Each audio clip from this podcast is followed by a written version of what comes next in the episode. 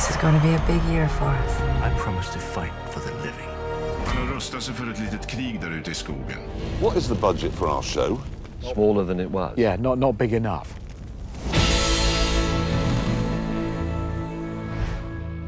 Varmt välkomna till det artonde avsnittet av Streamingpodden. En podcast för dig som är intresserad av streamingteknik och vad som händer i det här området. Det är med mig Jonas Rydholm Birmé och Magnus Svensson.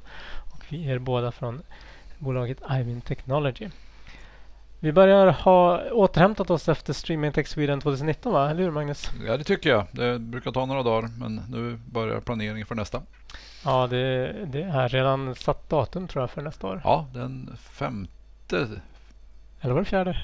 eller var det fjärde? Nu, måste, jag- nu vart jag faktiskt osäker, men vi säger början av november Vi säger början av november, men lokal är bokat så det, är ett, det är ett fixt datum i alla fall. Men det där. Och om man vill eh, lyssna på en sammanfattning av vad som togs upp på den dagen och eh, kan man lyssna på ett specialavsnitt av Streamingpodden.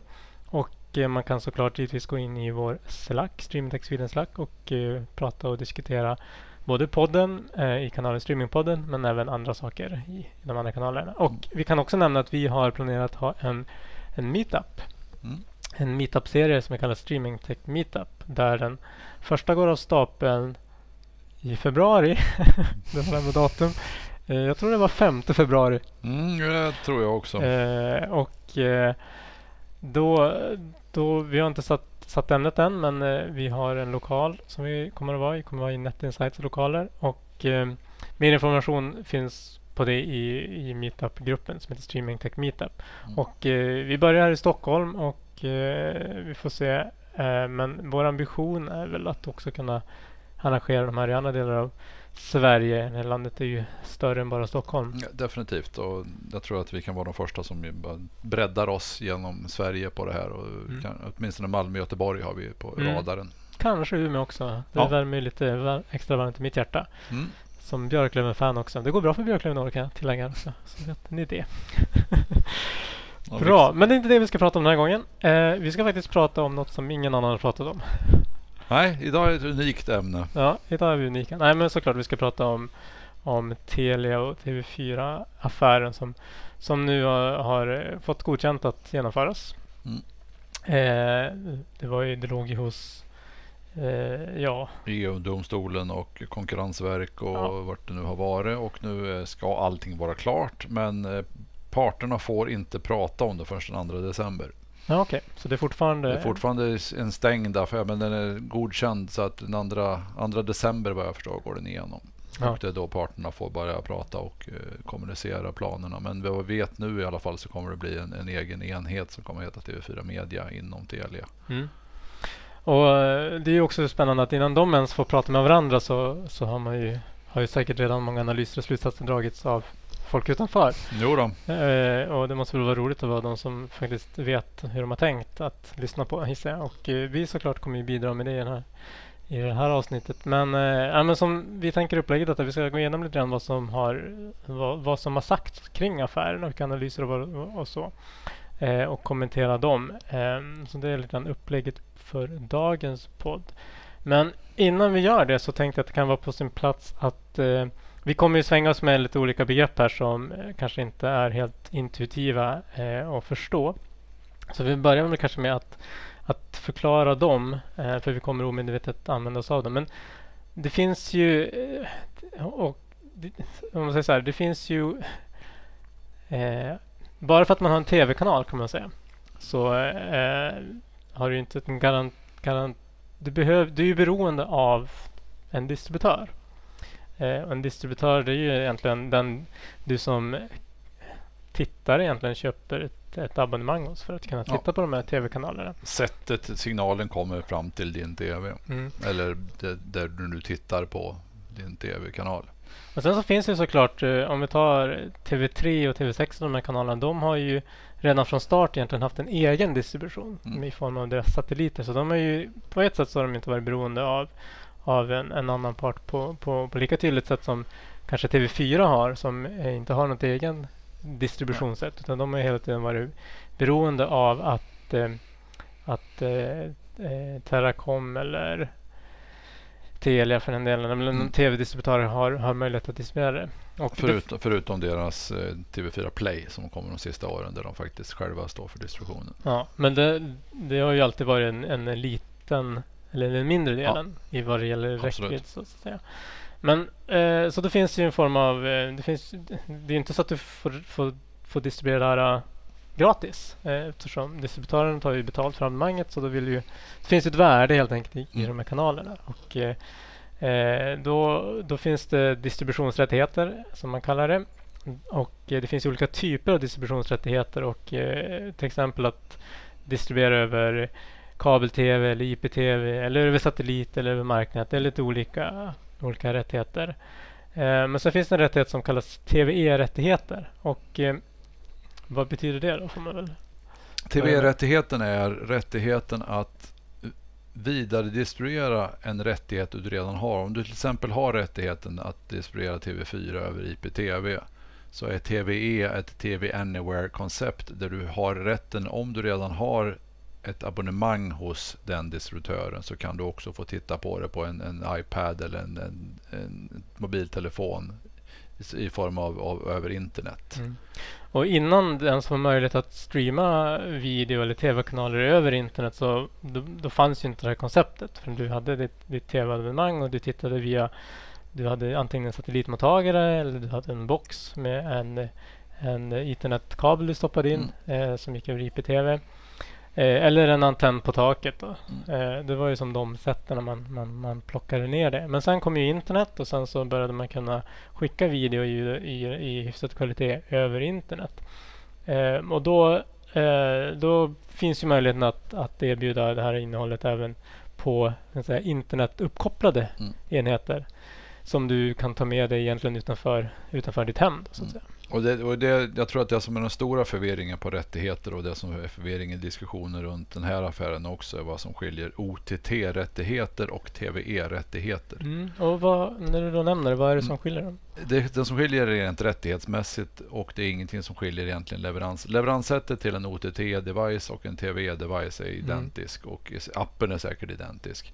En TVE-rättighet är ett, egentligen en, en, ett tillägg till en, en distributionsrätt över IPTV, kabel eller Mm. satellit där du måste ha ett abonnemang med den leverantören Mm. och du måste vara knuten till den leverantörens nät. Mm. Sen kan du som komplement få ett TVE-abonnemang där du kan Mm. titta på den via din mobiltelefon eller, eller en padda eller en dator utanför hemmet. Medan en OTT-rättighet, då krävs ingen eh, anslutning till ett speciellt nät eller någonting sånt. Utan det är ren skär OTT, vill säga en, en online över internet abonnemang. Det bör- räcker med att du har. Mm. Och idag har inga svenska distributörer OTT-rättigheter Mm. mer än contentägaren själva. Mm. Och det är där jag tror att vi kommer komma in i senare det Mm. som förvirringen runt affären och dess villkor.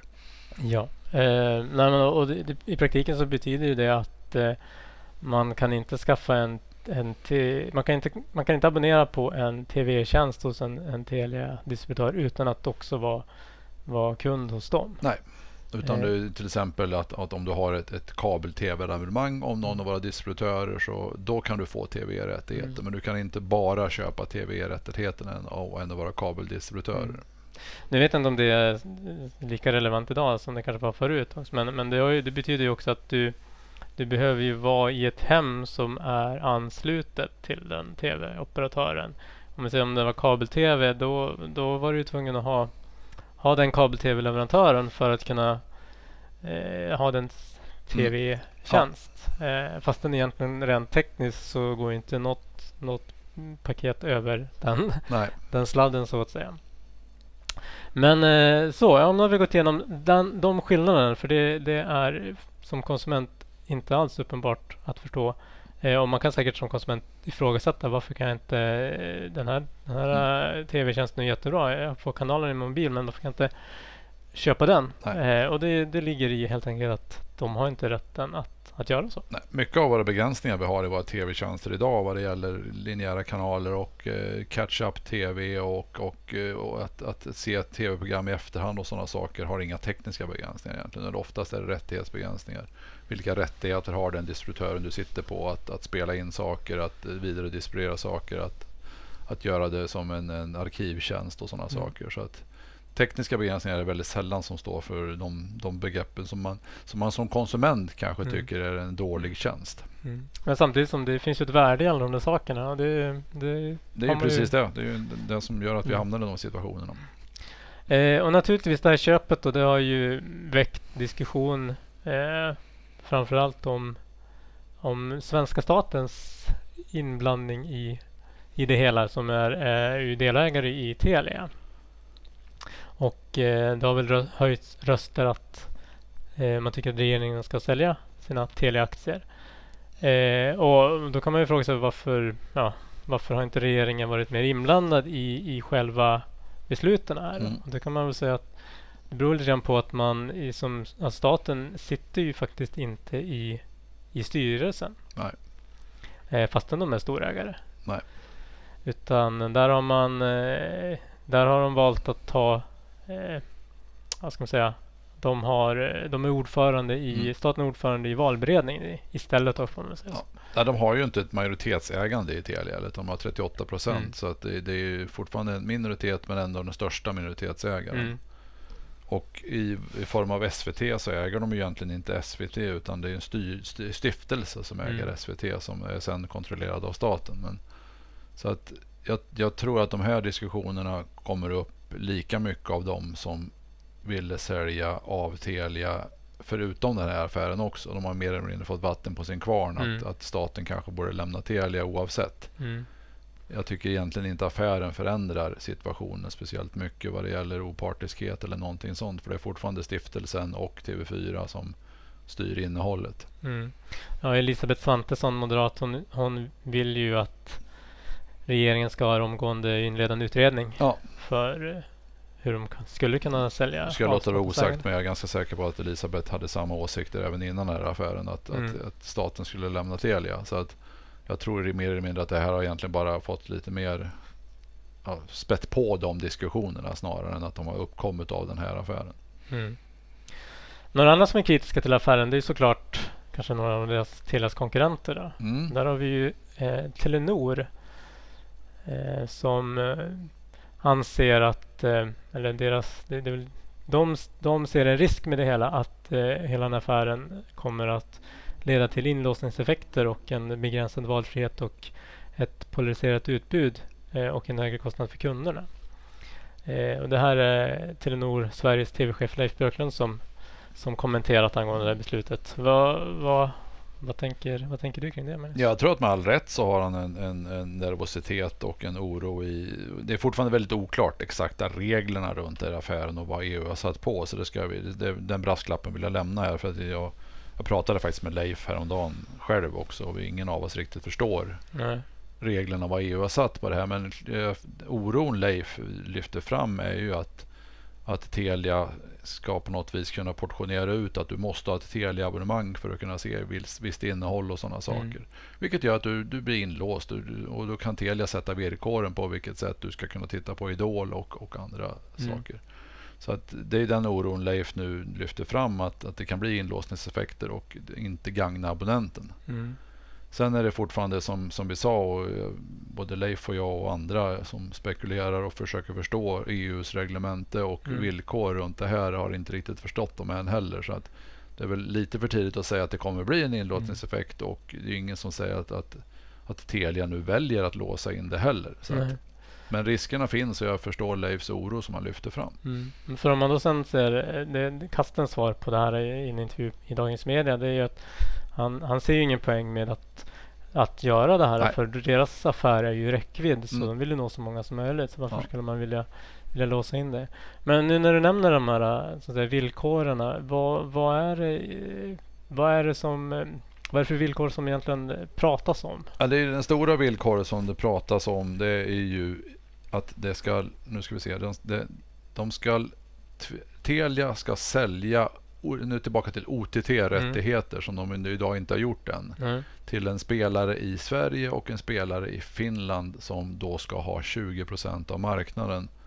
Nu menar du TV4? Ska sälja det? TV4, Ja. TV4 ska sälja Mm. OTT-rättigheterna till någon spelare på den finska marknaden och Mm. någon spelare på den svenska marknaden som då ska ha 20% av OTT-marknaden. Så det är en ganska stor spelare? Det är en ganska stor spelare och är, idag är det ju som sagt var för det första ingen som har en OTT-marknad överhuvudtaget. Så det, bara det är ju oklart vad som, om de måste ha det från start eller om de kan ha det efter ett år när det här ska ha skett.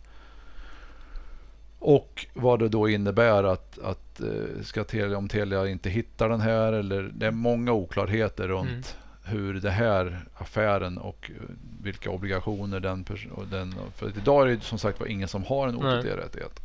Nej, så det är ju frågan om det innebär att de också de de måste ge det, de, man måste så här, luckra upp den biten. Alltså. Ja, så att det, det, det, just där råder väldigt mycket oklarheter om vad, de, vad som verkligen menas med. Det står att köparen måste ha minst 20% av marknaden. Mm. Och Telia har ett år på sig att uppfylla det här. Mm. Och om de inte lyckas då med det förslaget de kommer med så kan de tydligen få ytterligare ett halvår. Men, Mm. Så att det är väl de här, framförallt de här reglerna som låter väl, väldigt konstiga. För det som, vad räknas som en OTT-spelare som har 20% av marknaden? Sen, Men, men det var ett villkor kring att det här måste vara en, en det kan inte vara en, en, en global spelare eller någon utanför EU, till exempel Apple då, som skulle kunna vara en av dem.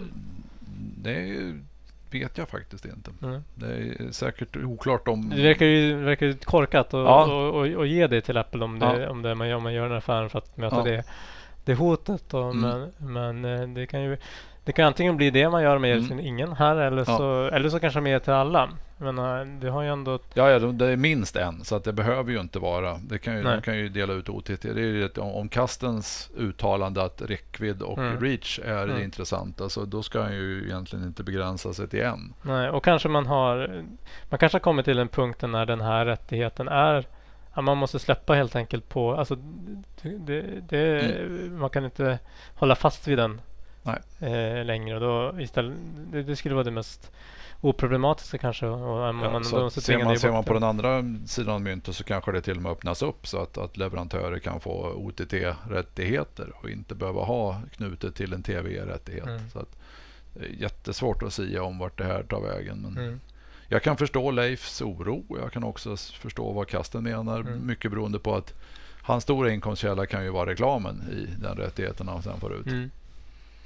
Men eh, de har ju en annan del också, Bonnier Broadcasting. Så nu pratar vi mycket om TV4 då, men man har ju även More. Mm. Eh, och här menar ju Kasten i, tror det här var i samma intervju, att eh, i och med den här teleaffären så, så tror de att de ska kunna nå ut bredare med, med More i, i och med den här affären. Eh, är det, eh, handlar det då om att göra som i, i, görs i USA, att man slår ihop eh, alltså kan ju- kombinerande erbjudanden? Ja, det, det, det har vi ju sett och det är väldigt tydligt är ju runt trenden i USA har ju varit väldigt mycket mellan mobiloperatörerna och, Mm. och contentleverantörerna. Vi har eh, Verizon som går ihop med Disney så att om du Mm. har Verizon-abonnemang så får du Disney. Vi har eh, AT&T som egentligen har gjort en, en liknande fast större resa. De köpte Warner Media och Mm. eh, hela det paketet och har HBO Max i sin Mm. portfölj.